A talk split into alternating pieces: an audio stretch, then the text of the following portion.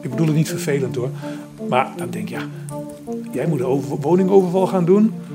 Jij loopt het risico en dan ga je van tevoren niet bespreken wat je ervoor gaat krijgen.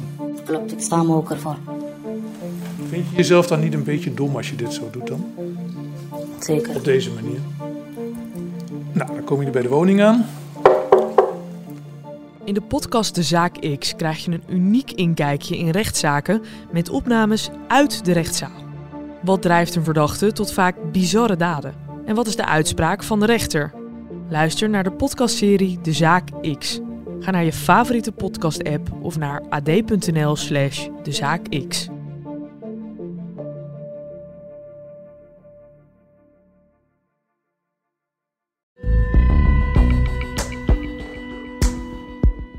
Vermoordde Samir zijn stiefmoeder of is hij onschuldig? In de eerste twee afleveringen van De Stiefmoedermoord hoorde je hoe de Zweedse onderzoeksjournalist Anders Johansson probeert om de onderste steen boven te krijgen in deze moordzaak uit 1986. En zijn zoektocht is nog lang niet ten einde. Hoe zit het bijvoorbeeld met het bewijsmateriaal dat nog al die tijd opgeslagen is?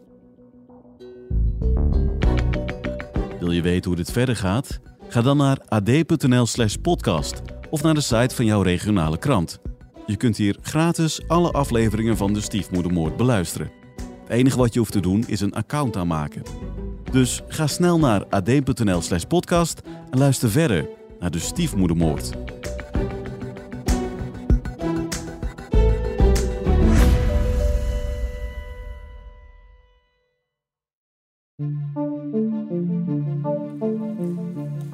Bedoel het niet vervelend hoor.